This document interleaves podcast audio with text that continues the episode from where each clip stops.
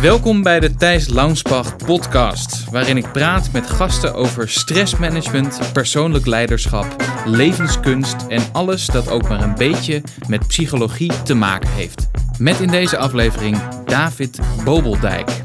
David is ANO-psycholoog, arbeids- en organisatiepsycholoog, maar ook ondernemer. Hij is onder andere degene die Studelta heeft opgericht in Amsterdam en hij is eigenaar van Wald Wonder Schmid. En hij geeft lezingen over werkgeluk en over generaties en over generatieverschillen in drijfveren. En met hem heb, ik een gesprek over loslaten, over werkenergie en je werkenergie hoog houden, over meer leven naar je drijfveren. En David zegt daarin heel mooi: als je je werk inricht op je drijfveren, haal je meer energie en plezier uit je werk. Nou, we hebben het vervolgens ook over relaties en over onze gezamenlijke heldin Esther Perel. En over de vraag hoe je meer energie en plezier in je werk kunt krijgen.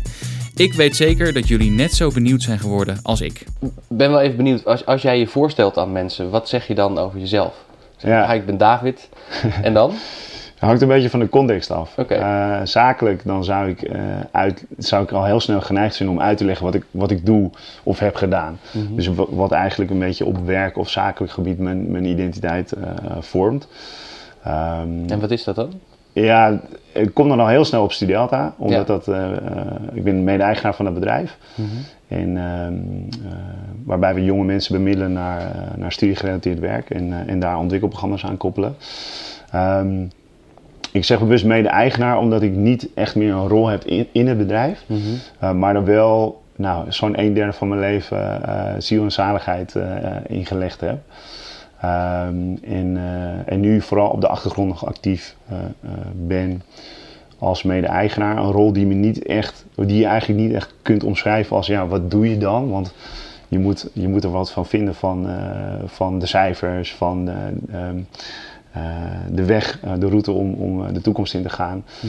Ehm, en dat is eigenlijk iets wat me minder ligt dan gewoon eh, de handen uit de mouwen en, eh, en vooral iets doen. Mhm. Ehm, maar ik ben eh, in de operatie nog wel betrokken omdat ik eh, soms workshops geef bij klanten en opdrachtgevers van Studelta. Dus eh, ja, collega's van Studelta die bellen me wel op en die zeggen van nou we willen een workshop bij een klant of een opdrachtgever. Die zijn heel erg geïnteresseerd in, eh, eh, in een training die jij kunt doen. En dan, eh, dan ga ik wel vanuit de naam van Studelta op pad. En, maar je vraag was, hoe zou je omschrijven, of wat zou je, over je hoe, zou, Ja. hoe zou je jezelf introduceren? Dus het zakelijk gebied zou ik vooral vertellen over wat ik doe. Ehm, en als je mij privé vraagt, eh, eh, wie ben je, dan zou ik eh, daar zeker ook wel iets over vertellen. Mhm. Maar misschien eerder over, over dingen die ik leuk vind in mijn privé tijd om Je te fascinatie doen. Of, voor horloges. Bijvoorbeeld. Ik zou- zou niet het eerste zijn waar ik over begin, maar dat, daar zouden we vast wel een keertje opkomen dan, ja. Ja. ja. Oké. ja. Ehm, maar dat vind ik toch wel even interessant. Ik, ik wil het later wel even gaan hebben over wat jij dan in je workshops en in je, in je Ja. lezingen eh, meegeeft aan mensen die, daar, eh, die daaraan meedoen. Maar ehm, ik ben ook wel even benieuwd hoe dat nou zit. Want jij bent, jij bent dus Studelta gestart. Ja, eigenlijk is, eh, is iemand anders het gestart. Oké. Timo, Timo van Ja. Rossum. En eh, ei- ja, je kunt eigenlijk zeggen dat ik een beetje de eerste medewerker was van Studelta. En dat was alweer in, in 2005. Mhm. Ehm, voor mij begon het avontuur, eh, om precies te zijn, 28 november 2005. Dus dat is echt alweer een tijd geleden. Ehm, en eh, eh, Timo is toen met iemand anders samen Studelta begonnen. Mhm. Eigenlijk als initiatief om ja, studenten en starters werkervaring aan te bieden die ze niet konden opdoen tijdens hun studie of net na hun studie. Dus wat we toen heel erg merkten is dat ehm, je studeerde af, eh, maar er werd ondertussen heel veel naar ervaring gevraagd, wat wij heel gek vonden. Ja. Eh, dus eh, je moest een soort cv Dus ook in een startersfunctie werd er verondersteld dat je bepaalde werkervaring had. Ja. Ja, dus je moest een soort cv meebrengen wat je, ja, wat je natuurlijk niet he- hebt kunnen opbouwen tot die tijd.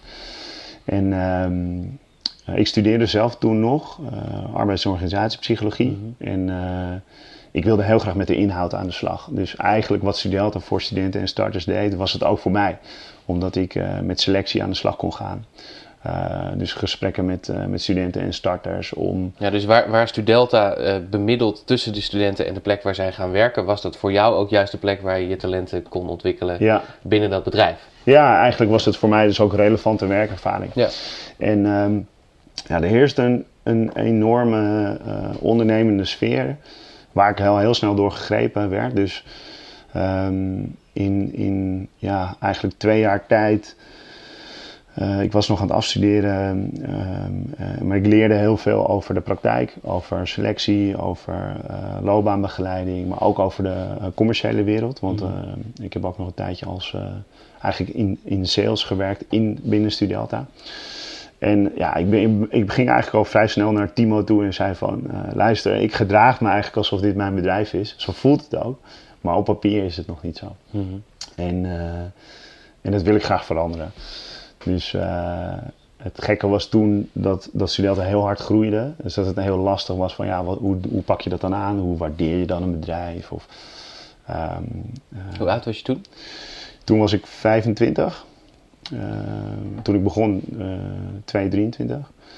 En ehm, ja, en, en in zeg maar eind 2008, uh, toen de, de financiële crisis, ik wou zeggen eerste financiële crisis, maar de eerste financiële crisis die ik heb meegemaakt, mm -hmm. langskwam, toen, uh, toen stortte eigenlijk Student een beetje in. Mm -hmm. Of niet eens een beetje, behoorlijk eigenlijk.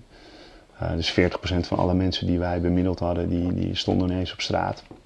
Um, en toen uh, ontstond er eigenlijk een, een, een verschil van, uh, van inzicht tussen de, de twee eigenaren. Er waren toen ook nog andere externe eigenaren trouwens. En toen kwam Timo eigenlijk bij me van, hey, uh, de wereld staat een beetje op zijn kop.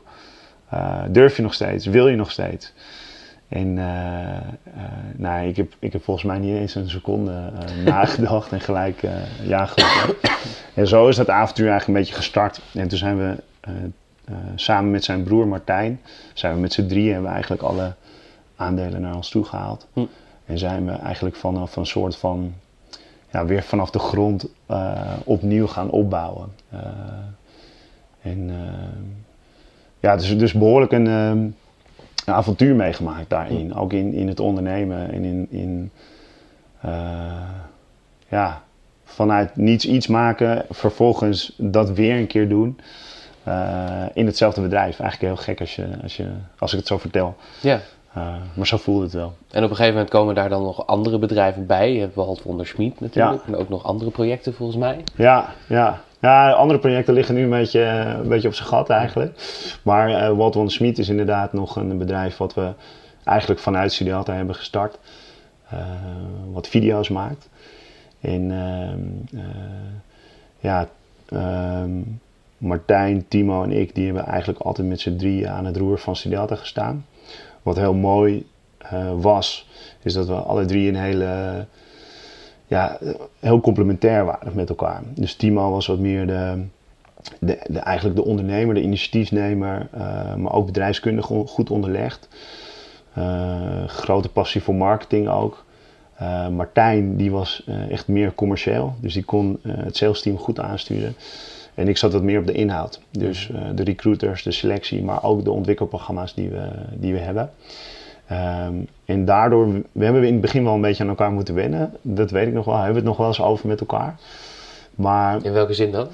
Ja. Ruzies? Nee, nou ja, we hebben wel eens ruzie gehad, maar het is nooit, uh, nooit echt geëscaleerd of zo. Oké. Okay.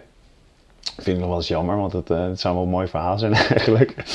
Maar ja, nee, in het begin moet je natuurlijk aan elkaar wennen. Want als je, als je echt met elkaar gaat ondernemen, uh, dat zeg ik ook nog wel eens tegen uh, bevriende mensen die ook willen gaan ondernemen of die een partnership aangaan. Je gaat echt met elkaar trouwen, daar geloof ik echt in. Dus als jij niet volledig een goed gevoel hebt bij iemand waar jij mee gaat ondernemen, dan, dan denk ik dat het, dat het uh, sooner or later echt, uh, echt gaat stranden. En um, ik had het met Timo Martijn, werden wij, we werden vrienden in het werk. Uh, dus daarvoor kenden we elkaar, maar waren we nog niet echt bevriend. En um, en we zijn wel met elkaar gaan trouwen eigenlijk. En dat, dat, eh, dat huwelijk is nog steeds goed. Het huwelijk is wel veranderd. Mhm. eh, omdat we alle drie wel een beetje onze eigen weg zijn gegaan. Maar nog wel aan elkaar verbonden eh, eh, zijn. Ehm, maar ja, weet je, het vertrouwen in, in, in hoe, je, eh, hoe je naar elkaar kijkt eh, is, eh, is heel goed. Hm. Ja. ja. Oké, en ook in een huwelijk moet je natuurlijk af en toe een beetje ruzie kunnen maken. Of Ja. in ieder geval conflicten kunnen beslechten met elkaar. Ja, ja, en drie jaar geleden zijn Timo en ik eigenlijk uit de operatie van Studelta gestapt. Ja, want je bent dus eigenlijk binnen, binnen de termen van het huwelijk ben je Ja. van dagelijks daar op de werkvloer staan. Hè? Ja. Samenwonen met, eh, het wordt nou een hele rare metafoor. Ja, ja. Samenwonen met de mensen me- waarmee je werkt en met, met de, de andere partners. Naar meer een, een lange afstandsrelatie. ja zo zou je het kunnen, eh, kunnen noemen. Of een soort polygame relatie. Precies. ja. En hoe, hoe kwam die beslissing tot stand? Ja, wat ik net vertelde van dat opbouwen vanaf niks. ehm, dan, dan eigenlijk dat nog een keer doen. Op een gegeven moment kwamen wij, en dan heb ik het dus over 2014, 2015, een beetje zo rond het tienjarig bestaan. Kwamen we in een soort van vaarwater van dat ging goed. eh, financieel gezond bedrijf. eh, werd geld verdiend. eh, iedereen tevreden. En ehm, wij waren alle drie eigenlijk heel erg gewend om hard te knokken voor iets. En, eh, en, en ja, ik denk Timo, Timo Martijn nog meer dan ik, maar het, het grote denken en het, het niet, ehm, niet vanuit iets kleins proberen, maar echt gewoon altijd heel ambitieus iets neerzetten en, en groot proberen na te streven. Dat, dat hebben we alle drie wel, wel gehad. En, en op een gegeven moment merkten we dat we niet echt verder meer kwamen. Dus wij zaten niet, we waren alle drie directeur op onze eigen discipline. Eh, we zaten niet in een soort ivoren toren directeurtje te spelen. Ehm, maar gewoon keihard te werken op de werkvloer als, als een soort meewerkend voorman. En op een gegeven moment merkte je dat perspectief voor mensen die bij ons werkten eigenlijk best wel laag was. Omdat er altijd een plafond was eh, op elke discipline en dat waren wij. Ja, precies, dat waren Eh, jullie ja. rollen. Ja, onze rollen. En, en tegelijkertijd, eh, nou laat ik voor mezelf spreken, stoorde ik mij heel erg aan het weinig initiatief wat er, wat er uit, het personeel kwam eigenlijk. En, en achteraf eh, gezien, dus dat heb ik eigenlijk de laatste twee jaar met name wel gerealiseerd, Mhm. denk ik dat ik dat zelf heel erg in stand heb gehouden door altijd overal iets van te vinden, altijd een, een idee te hebben, altijd een initiatief, eh, met een initiatief te komen. Ehm, dus we kwamen Dus jij eigenlijk... was eigenlijk de, de, de deurstop, zeg maar. Jij was degene Ja. waar, men, waar initiatieven op, ja, op stuiten. En dan Ja, ik denk- werd het jouw initiatief of... Nee. Ja, het toenmalige team denk ik dat ik... Ik heb ze een beetje lui gemaakt. Want als, Ja. ik, als, we, als we een uitdaging hadden dan... ehm, en het duurde mij te lang, dan kwam ik met een initiatief. En dan, ik, ik ging het niet opleggen. Maar, dus ik, kwam dan, ik, ben, ik kan af en toe echt best wel een stuiterbal zijn. En dan, dan kwam ik met iets waar ik zelf natuurlijk heel erg in geloofde. Eh, en ja, het klinkt misschien een beetje arrogant, maar vaak was dat gewoon ook het beste idee. in ieder geval was ik daar zelf van overtuigd. Ja, Ehm, en, en doordat dan eh, de mensen een beetje te weinig tijd kregen om zelf met iets te komen, eh, ja, gingen ze daar wel in mee. En dat, dat, dat ging dan ook wel goed. Maar op een gegeven moment komt er dan ook geen initiatief meer uit dat team. Eh, want ja, eh, David die komt toch altijd wel met een goed idee. Of in ieder geval een idee. en die vindt zijn eigen idee toch altijd Ja. het beste. Ja, dus ik merkte zelf dat ik, dat ik, ik liep daar eigenlijk een beetje op leeg op iets wat ik zelf gecreëerd had. Ehm, En wat bedoel je met ik liep daarop leeg? ja, eh, volgens mij heb ik jou dat wel eens verteld, maar op een gegeven moment eh, eh, kon ik mijn eigen naam niet meer horen. Weet je, ik zat gewoon achter mijn bureau en ik hoorde gewoon continu, hè, David, wat vind je hiervan? Of David, kun je hier naar kijken? Of, en ik werd daar heel moe van. Ehm, en tegelijkertijd vond ik wel altijd overal wat van. Dus dat is een beetje een gekke eh, paradox. Ehm, maar ik, ja, ik verloor er wel echt energie op. Dus ik werd van eh, beuker eh, in je eigen bedrijf een soort van manager die overal iets van moest vinden. En die rol die lag me niet zo goed. Eh, En wat was, nou, wat was nou het moment dat je dacht: oké, ik neem nu ik neem afstand? Ja, het is. Het gekke is dat ook wel privé daar eh, aan, aan bijgedragen eh, heeft. Dus ik denk, er kwam, er kwam een soort van allemaal dingen samen. Mijn relatie ging uit na negen jaar. Eh, we hadden net samen een huis gekocht. Eh, eh, het zag er allemaal een beetje mooi rooskleurig uit, maar dat, dat liep ineens stuk. Ehm, in het begin ging ik daar als een, als een soort van verstand op nul survival modus mee om. Maar later, echt een aantal maanden later, kreeg ik daar toch best wel een tik van. Ehm, en dat was net de periode dat op eh, werk, dus bij Studielta, dat ik ook een beetje zo ja, ja, dobberde op, op zee. Wat doe ik hier nog? Wat Ja, wat, wat ga ik doen? Weet Ja. je? Wat wordt een nieuwe uitdaging? Wat wordt onze nieuwe stip op de horizon? En daar worstelen we met z'n drieën wel mee. Maar, maar persoonlijk dus zeker ook. En Timo, die was ook alweer heel erg toe aan een nieuwe uitdaging qua ondernemerschap. Ehm, dus die liep er op zijn manier tegenaan. En toen kwam eigenlijk alles een beetje samen. En toen gingen we nadenken van oké, hoe kunnen we nou met z'n drieën creëren dat we wel verder groeien als bedrijf. Ehm, eh, dus zijn we heel zelfkritisch gaan kijken van oké, kunnen we ook iets in onze structuur veranderen? Moeten we andere mensen meer verantwoordelijkheid geven en zelf wat meer afstand nemen om uiteindelijk Studiata verder te, te brengen? En ik heb, dat klinkt misschien heel cliché, maar ik heb Studiata wel altijd gezien als groter dan mezelf. Uh, en uh, vroeger had ik twee dromen met Studiata. Dat is enerzijds impact hebben uh, op wat, met wat we doen. Dus impact op mensen hun leven qua een mooie baan, een ontwikkeling, maar ook vooral op, op de bedrijven en organisaties waar we de mensen bemiddelen. Om die verder te helpen en nieuwe initiatieven te geven. En daarnaast gewoon een tof bedrijf te hebben waar mensen graag werken met plezier. Dat is een van mijn belangrijkste drijfveren, plezier. En die twee dingen die, ja, die waren op dat moment voor mij wel een beetje behaald. Uh, zonder dat ik dat echt heb, heb gemeten, uh, maar voor mijn gevoel. En toen, uh, nou ja, met inderdaad die privé situatie, dacht ik van oké, okay, nu, is, nu is een mooi moment. dus ik ben er even tussenuit gegaan en toen kwamen we terug. Toen hebben we nog met een aantal mensen intern over gesproken. Die, ja, eigenlijk was ons idee om een soort MT in te stellen. En toen hebben we dat, uh, zijn we een weekend met ze weg geweest. Hebben we uh, uh, heel, heel hard eh, de waarheid tegen elkaar gezegd en echt gecheckt van oké, okay, kunnen we deze verantwoordelijkheden overdragen? En, eh, en hard bier gedronken. en, en, dus waren met z'n drie weg toen? Ja, ja en, dus, en dus met dat, met dat eh, MT, dat te vormen MT. Okay. En op maandag hebben we het aan iedereen gepresenteerd eigenlijk. Dus zo snel, toen ging het opeens wel snel. En op dinsdag zat ik thuis. Uh, dus dat was heel gek. Natuurlijk had ik nog een soort van overdrachtsperiode en dingen.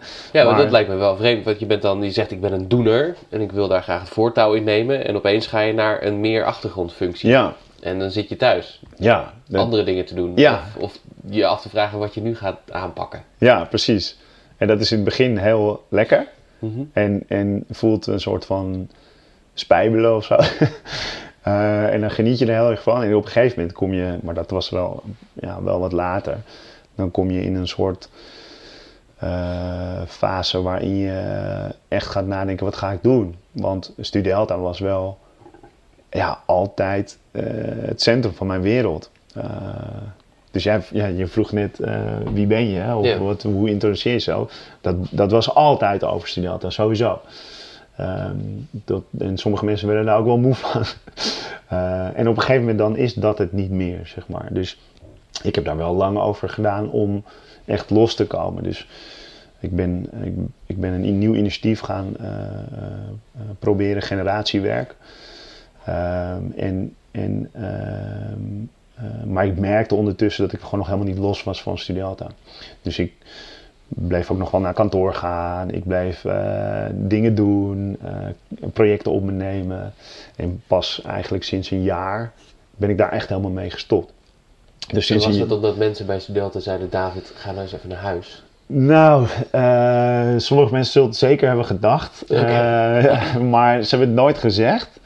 maar ik, ik betrapte vooral mezelf erop dat ik in een soort van ehm, modus was gekomen waar ik zelf ook echt niet blij van werd. Dus ik kwam op kantoor, eh, deed dan zeg maar mijn eigen ding. Ehm, maar ondertussen hoorde ik natuurlijk van, van alles wat ik zelf anders zou doen. En, en mensen kwamen ook nog veel met vragen bij me. Eh, dus die dynamiek was niet, ehm, niet goed. Eh, in ieder geval niet voor mij. En, en ik merkte dat ik gewoon nog een beetje in het oude bleef hangen eigenlijk. Dus ik kon gewoon nog geen afscheid nemen. En, en op een gegeven moment zie je dan steeds meer. En, uh, je ziet dan alleen de negatieve dingen. Dat, dat zag ik. En, uh, en daar maakte ik me heel erg druk om. Hm. En op een gegeven moment dan merk je dat je, uh, dat je vooral jezelf daarmee hebt. En, en dat je er niet, niet iets mee opschiet. Dus op een gegeven moment heb ik wel die, die, uh, die knoop doorgehakt van oké, nu ga ik gewoon ook niet meer naar kantoor en is het gewoon echt klaar. En, uh, en, en stop ik met de, projectjes en, de, uh, en dat was, dat was ja, januari, zeg maar, dus december vorig jaar heb ik gezegd ik, ik stop daarmee.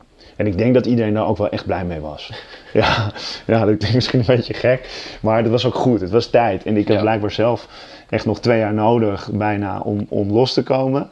Maar dat is gelukt en ik ben er zelf ook echt veel, veel gelukkiger van geworden. Want dit jaar heb ik uh, uh, op dat gebied uh, verlies ik geen energie meer. Dus, dus dat voelt heel goed. Ja. Oké. Okay. En je, je beschrijft net helemaal aan het begin van ik heb ongeveer zes uur deze week gewerkt. Ja. ja. Het klinkt bij mij als, dan moet ik denken aan Tim Ferriss en de 4-hour workweek. Ja. Die kant. Is dan, uh, heb, jij, heb jij nog wel eens te maken met stress? Ja, grappig. Ik had het laatst met iemand over. Um, ik heb me dit jaar niet gestrest gevoeld. Eigenlijk geen enkel moment. Uh, tuurlijk heb ik wel eens spanning gehad of zo, maar niet, um, uh, niet op werkgebied.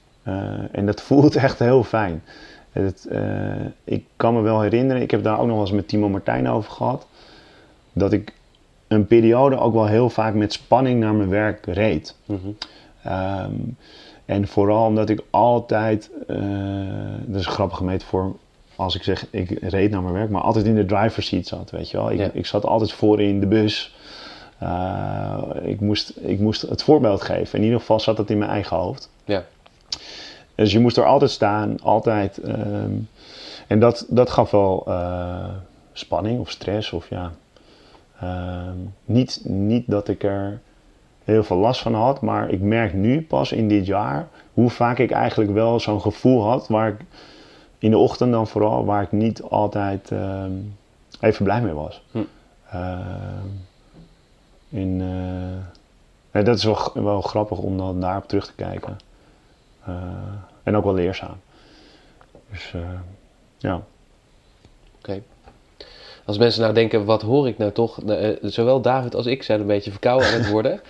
Uh, David zei ook, ik moet af en toe waarschijnlijk hoesten. Maar toen de opname startte, uh, begon ik net een enorme hoestbui te krijgen. Dus ik neem af en toe slokjes water. Ja. Dan, dan denkt u, wat, wat hoor ik nou precies? Nou, dat dus. Um, goed, dan, dan even naar um, wat je dan... Je, je bent dus mede-eigenaar van Studelta op de achtergrond betrokken. Ja. Maar wat je wel graag doet is uh, dagvoorzitter zijn en lezingen geven en workshops geven. Ja. Waar, waar gaat dat over?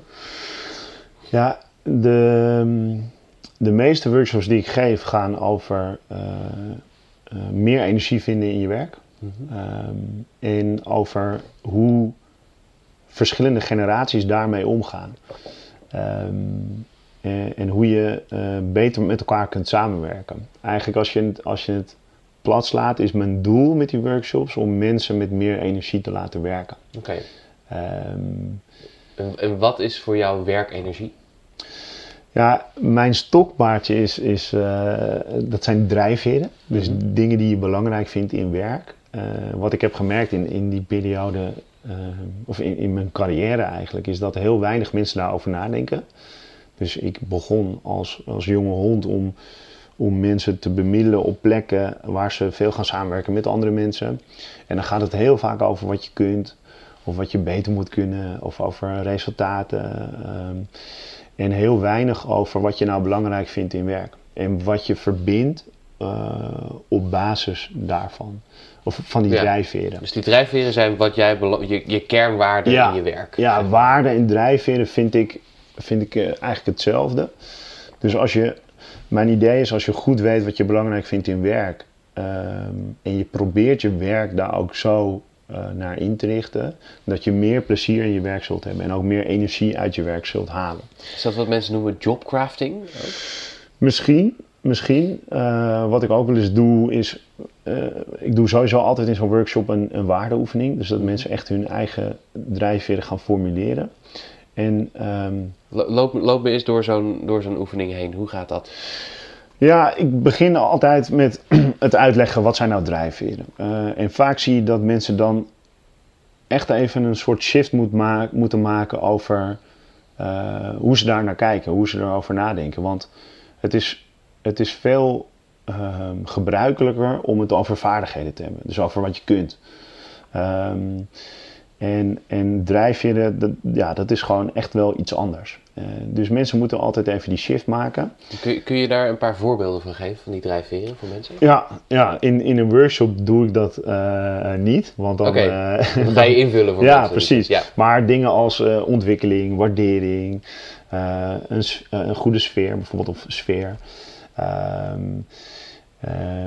plezier, ehm, autonomie. eh, dat zijn allemaal dingen die je belangrijk kunt vinden in werk. En waar de nuance, dus, dus ik vraag dan mensen om, om, eh, om er in ieder geval vijf te formuleren. En eh, vaak krijg je veel dezelfde drijfveren terug. En waar de nuance vaak in zit, is in hoe je daar eh, een, een prioriteitenvolgorde aan geeft. Dus hoe je daar eigenlijk een hiërarchie in aanbrengt. En, Even eh, een klein stapje terug hoor, want je zegt Ja. vaak krijg je dezelfde waarde, de- de- dezelfde drijfveren Ja. terug. Je bedoelt ehm, met de deelnemers van een, waar, je, waar je bijvoorbeeld dan een lezing aan het geven bent Ja. of een workshop aan het geven bent. klopt, klopt. En dan, die hebben meestal, zeg jij, dezelfde drijfveren, maar de prioritering daarvan is anders. Ja, nee, je, hoort wel, je hoort wel verschillende drijfveren, maar bijvoorbeeld een drijfveer als ontwikkeling, dat is vaak voor jonge mensen heel belangrijk. Dus die krijg je dan vaak terug als je voor een groep jonge mensen staat. Mhm. Maar ehm, of die nou belangrijker is dan plezier in je werk bijvoorbeeld, eh, daar verschillen mensen wel eh, eh, van. Dus daar zitten echt wel individuele verschillen, verschillen tussen. Mhm. En het grappige is dat ik sta meestal voor een groep van zo'n, nou, het varieert een beetje van 20 tot 75 man. Dus voor me, ik, ik hou het niet echt bij, maar voor mezelf krijg ik heel veel data daaruit. Want ik laat ze allemaal dat formuleren. En vervolgens laat ik ze met elkaar daarover praten. Van oké, als, je, als je bijvoorbeeld uitdagingen hebt opgeschreven, ook een, een drijfveer die vaak terugkomt. Ga er dan eens met elkaar over in gesprek wat het nou echt betekent. Want voor de een is dat eh, een inhoudelijk lastige taak. Hè? Dus dat je jezelf uitgedaagd voelt omdat het moeilijk is. En voor de ander is het, eh, is het uitdagend als het afwi- afwisselend is. Dus als je mensen met elkaar, en dat is een hele simpele oefening. Ik raad ook iedereen aan om dat met elkaar te doen, of met een team te doen, of met je collega's.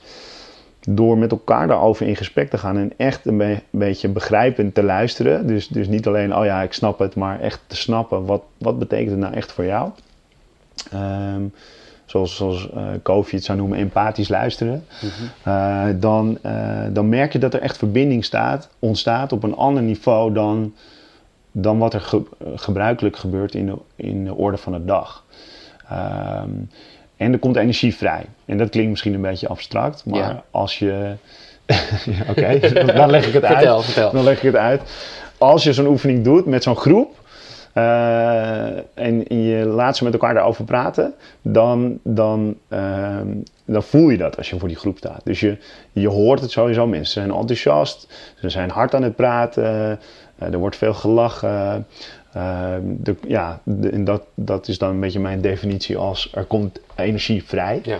Ehm, en mensen zijn ook altijd verbaasd als ze, als ze dat doen, want en ze vinden het leuk. Ehm, en elke keer dan, ja, misschien herken jij dat ook wel uit, uit lezingen of workshops die jij geeft, maar elke keer dan denk ik van, oh, zou zo'n oefening nog wel relevant zijn? Hè? Omdat Ja. je hem zelf heel vaak ziet, want jij bent degene die hem sowieso altijd ziet. Precies. Uh, maar elke keer dan merk ik weer van, oh ja, dit is echt, en, en daarom zei ik ook, dit is mijn stokpaardje. Dit is echt iets wat, wat, wat mensen op de agenda moeten zetten om het hier met elkaar over te hebben. Omdat je elkaar dan beter snapt en, ehm, en leuker met elkaar kunt gaan werken. Ja. Ehm, Je geeft misschien ook mensen de, de, de toestemming om over dat soort op, op zo'n niveau te praten met elkaar. Ja.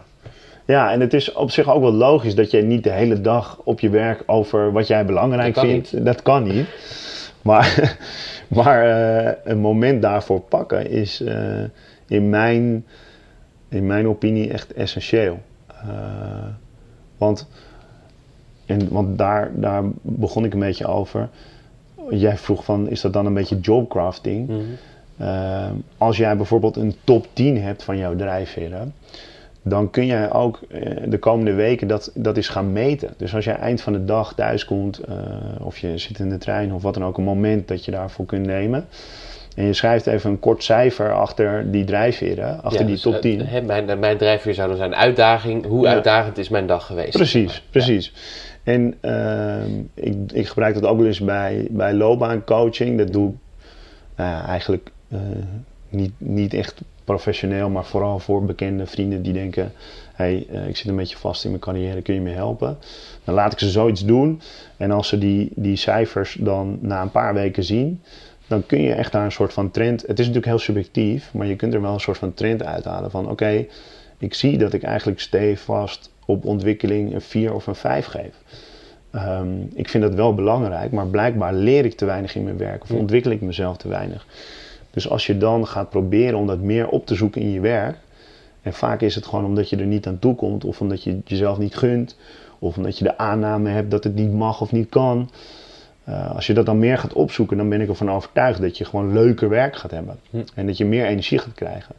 Dus daar zit, in die drijven zit een enorme sleutel. En, en dat vind ik heel tof om uh, ja, mensen mee uh, te geven. En het liefst, het liefst voor, voor een grote groep, weet je wel. Dat, Ja. dat vind ik tof. Uh, En zou je dan ook zeggen van als mensen ongelukkig zijn in hun werk of niet helemaal de voldoening eh, eruit halen die ze, die ze willen, ja. is, is dat waar je, waar je mensen zou laten starten? Dus zoek uit wat je drijfveren zijn en ga op een dag tot dag basis checken of, of je werk eigenlijk wel aan die drijfveren voldoet. En wat je dus kan doen om dat meer, te, meer zo te laten zijn. Ja, ja ik, zou, ik, ik adviseer ze zeker om daar te starten, want het geeft je gewoon veel inzicht. En uh, stap 2 is natuurlijk, wat ga ik ermee doen? En dat is een stuk lastiger. Ja. Maar, uh, dus het is niet van de een op andere dag uh, veranderd, maar, maar daar, als je met, met mensen daarover gaat praten en hulp gaat vragen, want uh, dat is het grappige. Vaak dan laat ik mensen in die workshops ook in tweede instantie uh, laat ik ze een drijver uitkiezen van oké, okay, waar zou je nou eens wat meer van terug willen zien in je, in je werk? Um, en, uh, uh, en dan laat ik ze met elkaar daarover praten. En dan brengen ze elkaar op ideeën. Dus als jij zelf gaat denken, oké, okay, ontwikkeling, een beetje te weinig. Wat ga ik doen? Ga ik een nieuwe studie doen of zo? Mensen denken vaak ook heel groot. Ja. En, en dat kan zijn dat je dan uh, dat iemand anders in die groep tegen jou zegt van nou, als je eens gaat proberen om elke week een bepaald artikel te lezen of uh, in je vakgebied of iets wat je interessant vindt. En daarna van verloop van tijd die drijfveer weer eens gaat beoordelen van oké, okay, vind ik dat ik ontwikkeling meer terugzie nu. Ja. Dus dat soort experimenten en acties. Dus je uh, zegt ook van soms kun je daar ook heel goed de mensen om je heen of de mensen binnen je bedrijf um, als support of als hulp in gebruiken of misschien ook wel een beetje als sociale druk, denk ja. ik. Nou ja, dat, dat, mensen willen natuurlijk wel, oh ik, vind het, ik wil heel graag dat mijn baan uitdagender is, maar vervolgens als je een soort van swamped bent en je zit Ja. in, tot je nek in het werk, doe je dat misschien niet. Tenzij iemand tegen je zegt, ja maar hallo, vorige week zei je dat je drie artikelen ging lezen, hoe zit het ermee? Ja, ik denk dat. eh, dus je hebt anderen nodig om je op goede ideeën te brengen, daar geloof ik in. En in tweede instantie, dat verschilt een beetje per, per persoon, denk ik. Maar die, die druk, of die stok achter de deur, hoe je het wil noemen, eh, dat is voor veel mensen wel echt welkom en, en belangrijk.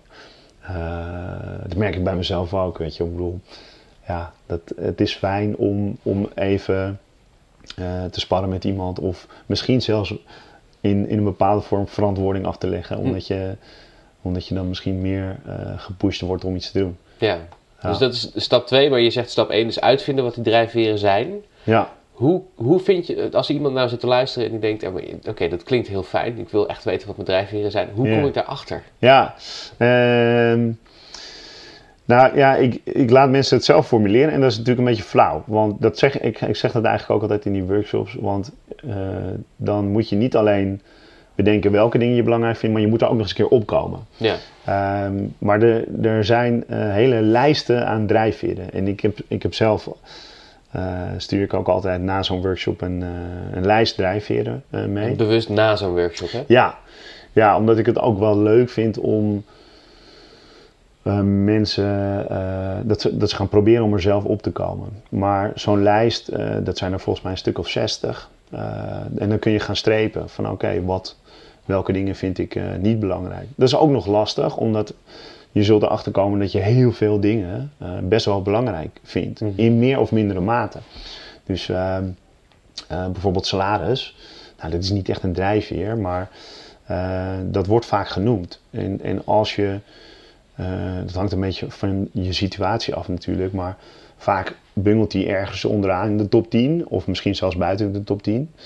Ehm, maar dat betekent niet dat die onbelangrijk is. Ehm, dus als je zo'n hele grote lijst voor je hebt, dan zul je merken eh, dat, het, dat het best lastig is. om- Keuzestress. Juist. Ja, om, eh, om dingen weg te strepen. Maar uiteindelijk kun je dan gaan proberen om er echt tien eh, uit te kiezen. Is een beetje kill your darlings. Eh, sommige mensen die komen echt niet verder dan elf, zeg maar. die, die, die kunnen er geen tien van maken. Ehm, maar als je die dan echt met elkaar gaat vergelijken, en bijvoorbeeld met post-its is dat leuk te doen, dan, ehm, dan geeft het je gewoon veel inzicht. Ja, dus Ja. dan ga je jezelf neem ik aan vragen stellen als... oké, stel nou dat ik een baan vind waarin ik heel erg uitgedaagd word... en me heel erg kan ontwikkelen. eh, is dat dan me waard dat ik daar iets minder salaris voor krijg? Bijvoorbeeld dat Ja. soort overwegingen krijg je. Ja, ja of eh, als jij eh, vrijheid in je, in, je, in je functie belangrijk vindt, eh, maar plezier ook. Wat nou als ik een baan heb waar ik wel plezier heb, maar geen vrijheid? Ja. Of vrijheid, maar geen plezier? Dat is een super moeilijke vraag. Helemaal als je het allebei al belangrijk vindt. Maar uiteindelijk maak je een keuze en, en dat betekent dat de ene waarde boven de andere komt. En ik denk dat het sowieso, het drijfveren veranderen ook door tijd heen. Hè? Ja. Dus ik denk dat je een soort van check of APK elk, elk half jaar wel, eh, wel kan doen. Ehm, en eh, ik heb het toevallig zelf van de week weer gedaan. Want, want, eh, Ja, dat is heel goed. Wat, wat, dat zou namelijk mijn volgende vraag zijn. Hoe, Oh, zit, het met, grappig. hoe zit het met je eigen drijfveren? Ja, nee, ik, ik, ik dacht van de week, want ik had vorige week een, gaf ik weer een workshop. En grappig genoeg krijg ik nooit die vraag van hoe zit het dan bij jezelf? Ehm, en, eh, maar ik had hem echt denk ik ook alweer een jaar niet gedaan. Dus eh, practice what you preach eh, ben, ik- ben ik het zelf weer gaan doen.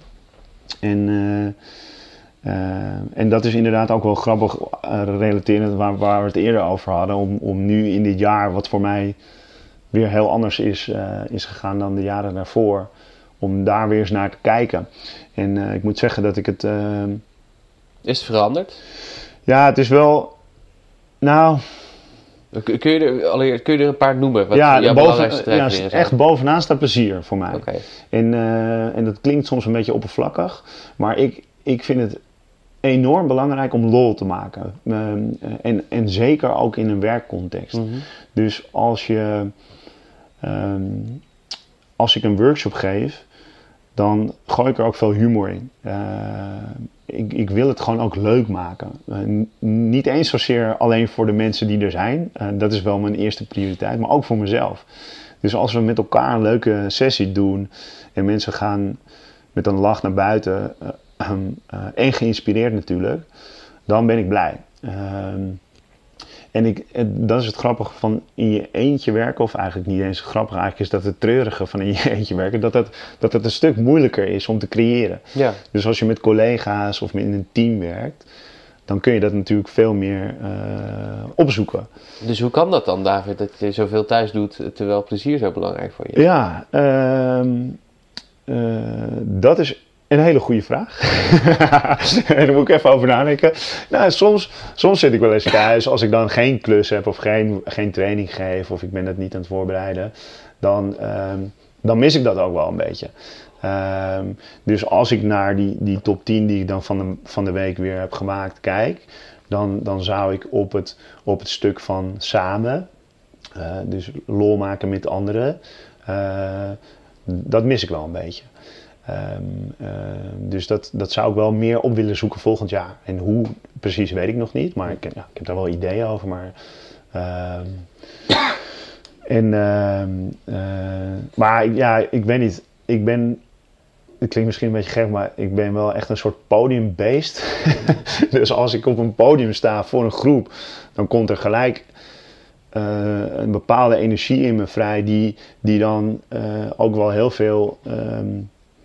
Waar ik heel lang wel op kan teren, zeg maar. Dus als dat ik, is het, het werkplezier dat je. Ja, dus dat is, dat is het plezier en de lol die ik probeer te creëren met zo'n groep. Dat lukt niet altijd even goed natuurlijk. Maar maar eigenlijk wel heel vaak. Oké. Okay. Uh, Wat ik overigens wel bijzonder vind, want je zei net zelf al, ik heb deze, deze workshops geef ik heel vaak. Dus ja. ik heb al heel veel groepen gezien. Ja. Wat houdt het dan plezierig voor je? Ja, sowieso. Ik, ik, ik, uh, ik vind mensen echt fascinerend. Hè? Dat, dat is natuurlijk uh, zo cliché als wat. Dus als mensen ook vragen van, nou, waarom ben je psychologie gaan studeren? Ja, gewoon... Geïnteresseerd ja, in mensen. mensen, mensen. Ja. Okay.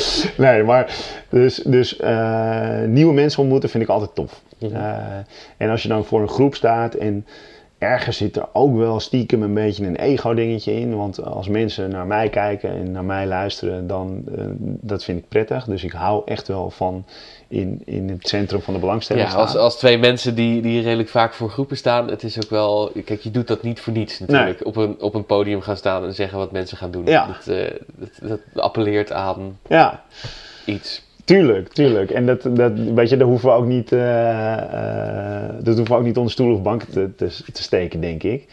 Uh, en ik vind juist op het podium daar wel een mooie plek voor. Hè? Je, je staat ook niet voor niks op het podium. Dat betekent niet dat als je als trainer alleen maar dat stukje gaat bevredigen, wat zou ik te zeggen, om, om de aandacht op je te trekken. Want je moet vooral je moet mensen echt wat meegeven en ook echt zelf inzichten uh, geven. Dus daar, daar neem ik zeker ruimte voor. Die interactie is ook altijd hoog. Um, maar ja, weet je, uh, het, uh, het nieuwe mensen zien elke dag, of nou elke dag, elke keer, want ik doe het niet elke dag. Um, en um, impact hebben. Dus, dus impact hebben op het leven van iemand. En dat klinkt misschien heel groot, maar zo voel, voel ik het wel echt. Dus als er iemand naar mij toe komt na die workshop en die zegt: Je hebt me echt een nieuw inzicht gegeven en ik ga dit proberen. Uh, ik vond het inspirerend, uh, dat soort dingen. Uh, dan is dat en waardering wat ik krijg. En dat is ook, die staat ook zeker in mijn top 10. Mm. waardering. Um, maar je merkt ook, je, je hebt iemand iets meegegeven. En ja. dan gaat het niet om mij, maar dan als ik het gevoel heb dat dat iemand dan er beter uitkomt dan, dan dat hij er bij die workshop inging, ja, daar word ik wel echt heel blij van. Betekenis, staat hij ook ja, in, het, uh, ja, in, nut, in de top 10? Nut, nut, nut staat okay, op ja, uh, nummer 3 ja. volgens mij. Oké. Okay. Ja.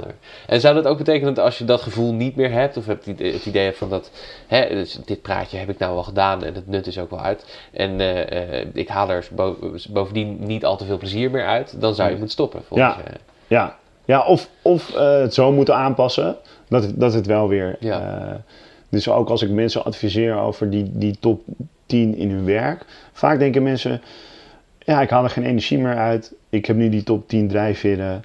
Ze komen niet genoeg terug. Ik kap ermee. Ik Ja. ga ergens anders heen. Maar dat is helemaal niet de eerste stap. Uh, de eerste stap is: oké, wat kan ik veranderen? En ook open bespreken met elkaar, met collega's, met je leidinggevende.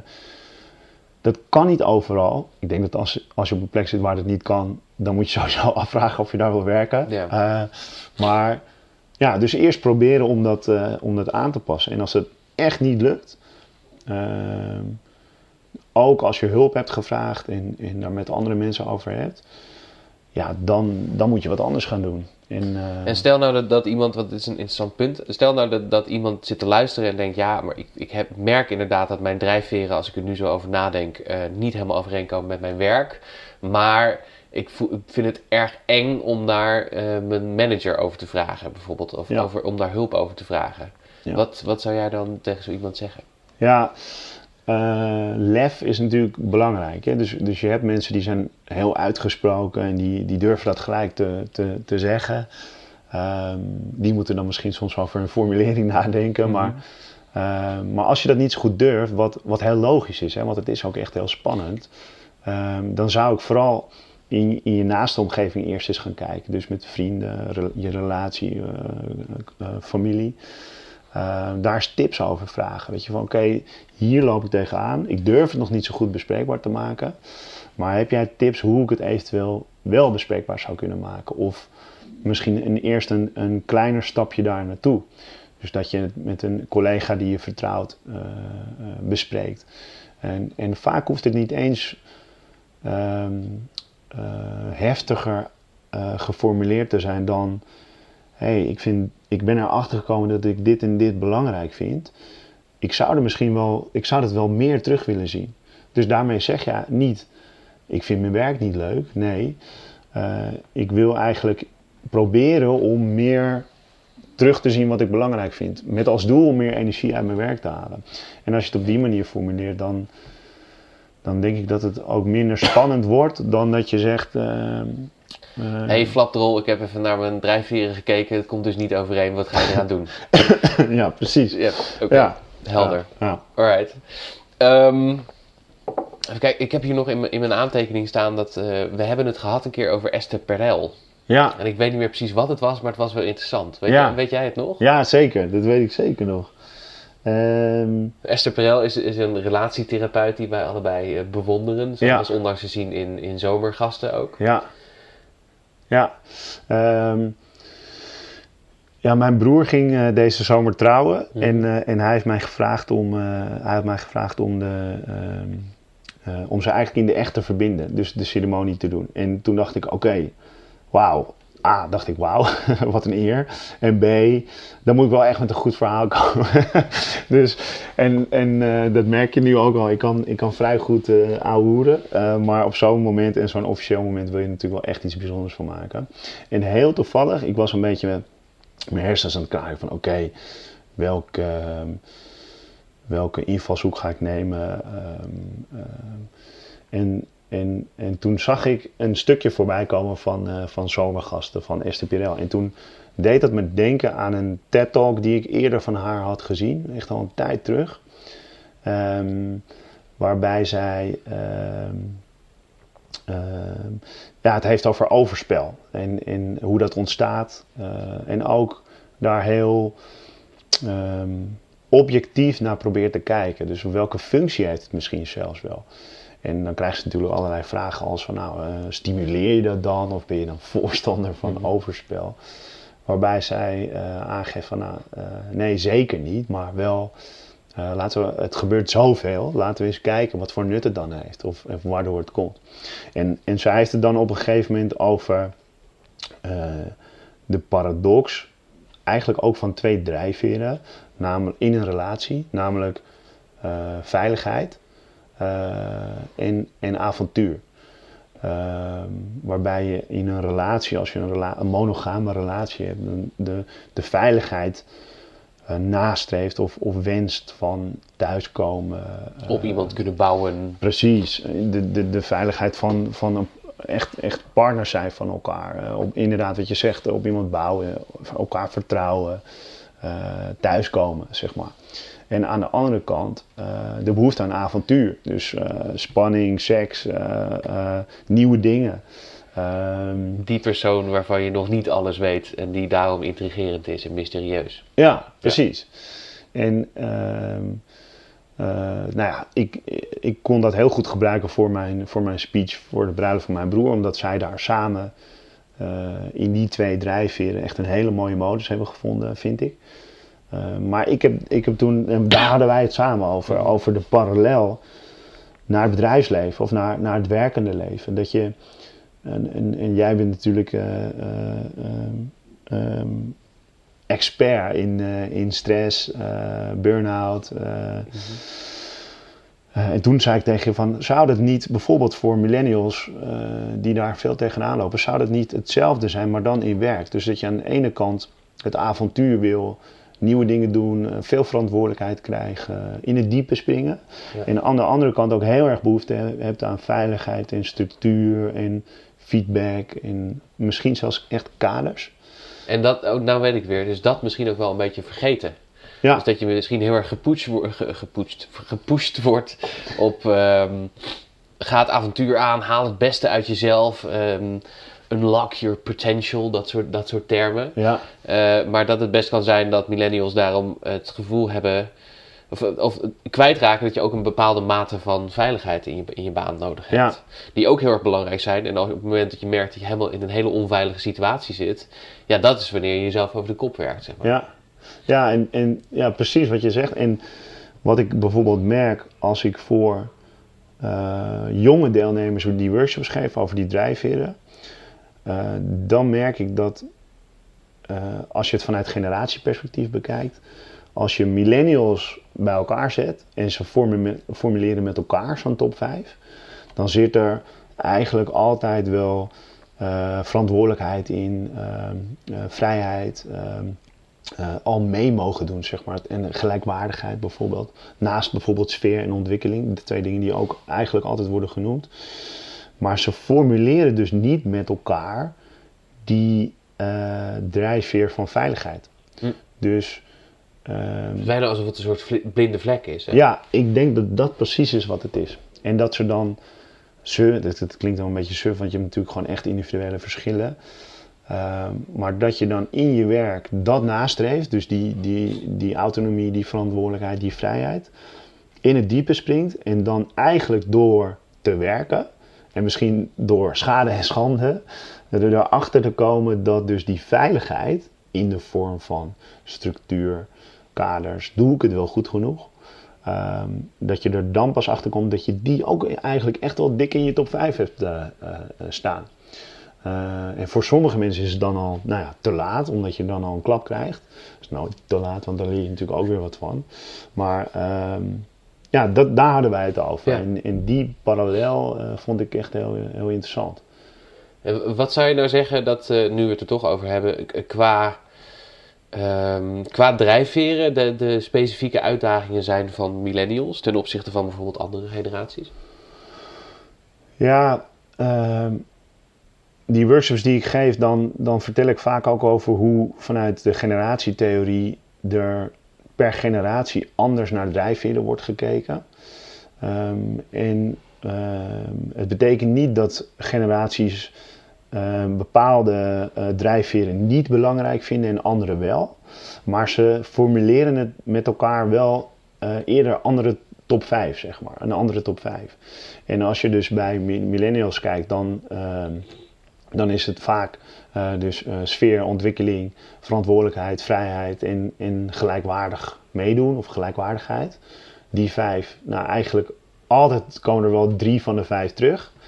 Eh, en en eh, ja, ik, ik zou dus ik zou dus vooral nadenken, is dat wel echt het belangrijkste voor mij? Vind ik dat wel het belangrijkste? Krijg ik daar wel het meeste energie van? Of is het iets wat ik heb bedacht? Eh, ik moet eh, carrière maken, ik moet meedoen, ik moet snel groeien.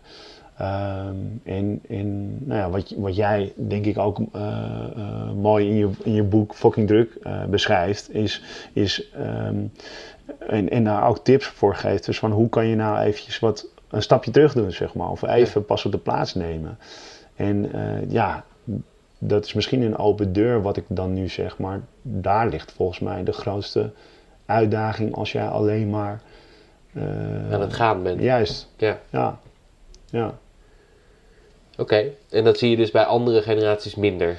Bijvoorbeeld heb je, je hebt nu hè, de, de, de boomers zijn nu echt helemaal aan het einde van hun, hun, hun carrière gekomen. Eh, Ja. dat, daar bedoel ik, eh, boomers die luisteren helemaal niks mee hoor. Dat bedoel ik alleen maar dat, dat zij vaak in de fase zijn waarin zij hun expertise weer aan het doorgeven zijn aan de, aan de mensen die erna komen. ja. Nou, de, grotere, de grootste groep is nu de Gen X'ers op de, op de werkvloer. Hoe, Ja. hoe kijken die naar, naar dit, dit fenomeen aan? Ja, kijk, als je. eh ja, Aart heeft daar heel veel onderzoek naar gedaan. En ik heb ook, ik heb ook eh, veel met hem eh, samengewerkt. En, en als je bijvoorbeeld die generatie X eruit haalt, die, ehm, die, die heeft vaak samenwerken. en het samen doen als heel hoog staan in, in, in, in hun top 5 drijfveren of top 10. Ehm, eh, daar zit bijvoorbeeld weer een uitdaging van oké, als je alles graag samen doet, uh, dan kan het ook best wel lang duren, zeg maar, weet je. Ehm, als ik voor een groep sta, dan, dan gooi ik ook vaak het voorbeeld uh, over vergaderen erin, weet je. wie vindt dat hij te veel en of te vaak vergadert? En, en altijd gaat minstens driekwart van de zaal steekt zijn handen op. Uh, en als ik dat dan relateer aan het alles samen willen doen of iedereen gehoord willen hebben, uh, ja, dan zie je soms wel eens wat blikken van: hey shit, misschien, misschien komt het daardoor. Ja. Uh, en wat wel belangrijk is om aan te geven, is dat er zit dus wel echt een groot verschil tussen die drijfveren, wat mensen met elkaar formuleren, en wat ze kunnen. Hè? Dus als ik, ik zeg... Het is iets anders dan je, dan je vaardigheden. Juist, juist. En, en als X heel veel aangeeft, het samenwerken vinden we mooi, vinden we belangrijk, krijgen we energie van. Dat betekent niet dat ze het goed kunnen. en en daar, dat, dat is geen suggestieve opmerking van mij. Maar uh, ze hebben er dus een voorkeur voor. En, uh, en dat is dus inderdaad echt anders dan, uh, dan vaardigheden. En dat geldt natuurlijk ook voor, voor millennials. Hè? Als jij echt al eh, eh, gelijk wil meedoen, betekent nog niet dat je het al kan. Ehm, en, en, je moet ook wennen aan werk. En, uh, nou ja, goed. Dat soort, maar daar zie je dus wel verschillen in voorkeuren. Vooral in wat ze met elkaar formuleren. En, en er zit dan nog een generatie tussen millennials en, en X, de pragmatische generatie, zoals, zoals Bontekoning het dan ook noemt. Daar wordt overigens wel echt wel wat over gediscussieerd, over die... Over de klassificatie, ja, zeker. zeker ja. Ehm, en, en die zijn juist weer...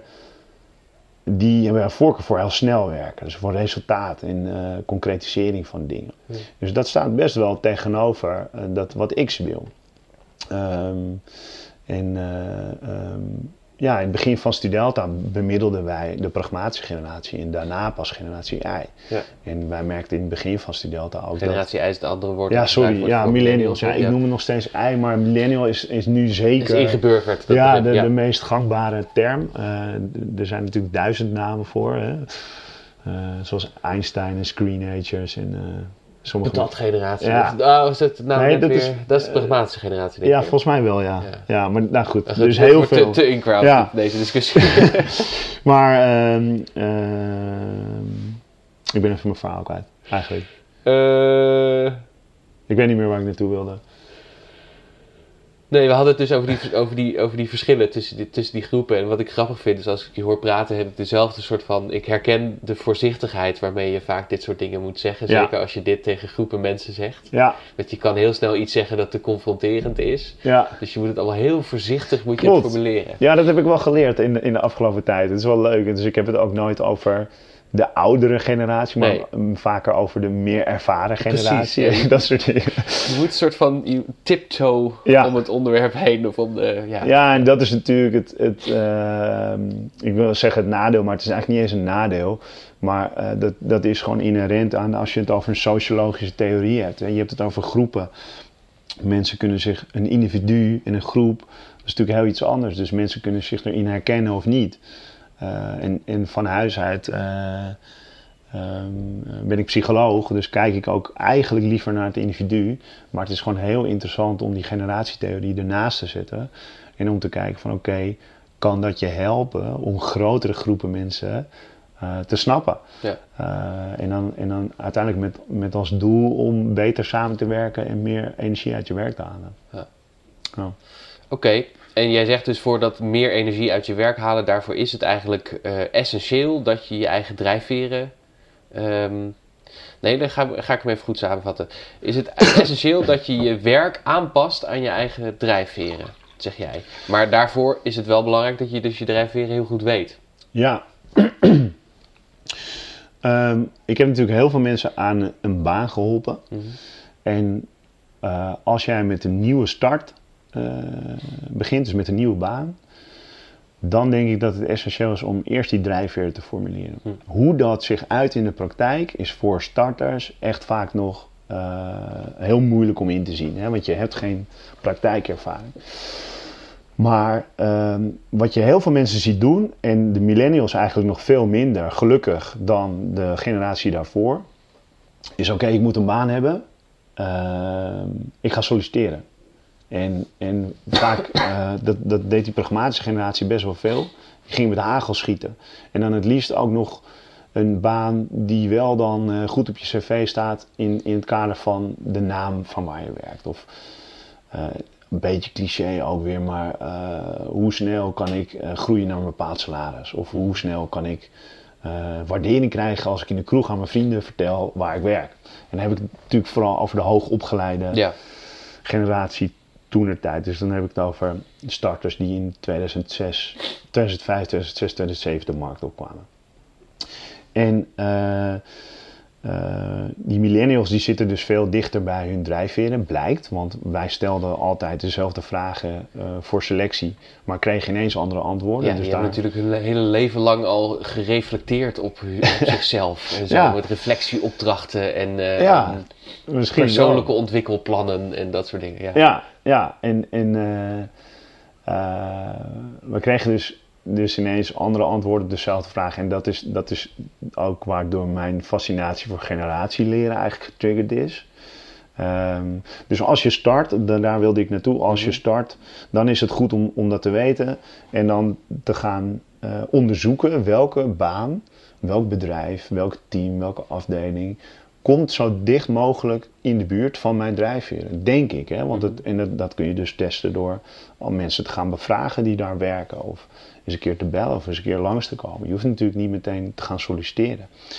Um, dus, en, en wat heel veel gebeurt is dat mensen duiken in werk.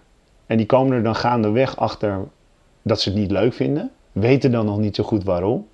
Gaan dan hun drijfveren formuleren en komen er dan achter dat dat helemaal geen match is op basis van drijfveren. Um, dus als je al in je carrière bent, ongeacht je leeftijd of fase van carrière, dan denk ik dat dat altijd goed is om te formuleren, omdat het je dus die nieuwe inzichten uh, gaat geven. En misschien is alles wel een 7, weet je, als je die top 10 die cijfers geeft. Um, en vind je dat prima. Of je denkt van hé, hey, als ik nu toch met nog meer energie uh, naar mijn werk wil gaan, kan ik eens wat experimenten gaan doen om van die 7 8 te maken of zo. Ja. En het gaat dan niet over uh, slechter of beter, maar gewoon wat voor jou, als jij iets belangrijk vindt, hoe kan je dat dan verhogen? Want dat, dat, dat is dus echt per individu zo verschillend. Dus daar zijn ook niet, wat mij betreft, geen vast ontlijnde methodes voor hoe je dat aanpakt. Find out what works for you. Ja. Oké. Okay. Ja. Hey, en uh, daarover gesproken, laatste vraag. Je was er al, uh, je gaf er net een klein beetje een voorschotje op. Um, dit wordt opgenomen in, in december. Het wordt waarschijnlijk pas uh, de, de ether ingeslingerd in januari. Ja. 2019. Ja. Wat gaat dat voor jou brengen? Waar ga je op inzetten? Ja, uh, uh, nou, ik ga eerst naar Zuid-Afrika in januari, net zoals, net zoals jij uh, Een paar weken daarvoor. Dus ja, precies, als ja. dit de eter in is, dan ben jij al geweest. Ja, dus dan kan je mij tips geven. Um, nou, wat ik graag zou willen, dus daar ga, ik, daar ga ik werk van maken, is meer workshops geven. Want dat vind ik echt het allerleukste om te doen. En um, ik heb dit jaar geen acquisitie daarop gedaan. Het is allemaal een beetje naar me toe gekomen. Maar wel minder dan ik had gehoopt. Dus ik, wil, ik ga mezelf meer op de kaart zetten en zorgen dat mensen mij beter kunnen vinden. Um, en um, um, ja, dus meer op het podium staan en, en zorgen dat, uh, dat meer mensen dit uh, ervaren. Dat stuk over die drijfveer. En, en, uh, want ja, ik heb, ik heb het echt als mijn missie gemaakt om mensen met meer plezier te laten werken. En dan hou ik het ook heel dicht bij mezelf, want omdat plezier voor mij zo belangrijk is. En ik denk dat wat ik zo vaak heb gezien, het, het voordeel van recruitment en van, van, van Studelta, waar ik dan veel mee op pad ben geweest, is dat je overal een kijkje in de keuken krijgt. Dus heel veel organisaties van binnen kunt zien. En ik heb soms dynamieken uh, gezien die mensen met elkaar creëren, waar je, nou ja, waar je echt van, door van je stoel valt. Van hoe kun je, dat, hoe, hoe kun je zo met elkaar werken? En, en dat mensen uh, zichzelf zo serieus nemen dat je. En, en, en, en dat het echt, echt gewoon vol staat van aannames en structuren die mensen gecreëerd hebben waar mensen ongelukkig door zijn geworden. En dat, ik, heb wel eens, ik ben wel eens in organisaties geweest waarvan ik denk, ik, ik kap ermee, uh, ik verkoop alles wat ik heb, ik koop een huis in Spanje, ik ga op een berg zitten, ik ga uh, groenten verbouwen of zo. Mhm. Ehm, omdat ik er zo zelf van leeg liep, zeg maar. Maar ik heb het dus nu echt mijn doel gemaakt om, om te proberen om dat zoveel mogelijk te doorbreken. En mensen in te laten zien dat je vooral in werk jezelf niet altijd zo serieus hoeft te nemen. En, en gewoon met, met lol en plezier uh, dingen kunt doen uh, zonder het elkaar heel moeilijk te maken. Helder. En dat je daarmee uh, tegelijkertijd je eigen drijfveer naar werkplezier bevredigt, dat is mooi meegenomen ja, dan. Oké. Ja, ja. Nou, David Bobeldijk, Bobeldijk, sorry. hartstikke bedankt dat je de tijd wilde nemen om hierover te praten. Graag gedaan, dankjewel. Je luisterde naar de Thijs Launsbach podcast. De links, de namen en de informatie uit deze aflevering kun je vinden in de omschrijving. De muziek voor deze podcast werd gecomponeerd door Bart Liebeert en Hugh Blaines. Je kunt je voor deze podcast abonneren, dan krijg je een melding wanneer er weer een aflevering online komt. Dit kan via iTunes, via Spotify, via de andere podcastkanalen of via thijslaunsbach.nl. En mocht je daar dan toch zijn, schrijf je dan vooral ook in voor mijn nieuwsbrief. Dan hou ik je op de hoogte van alle nieuws rond boeken, columns en podcasts.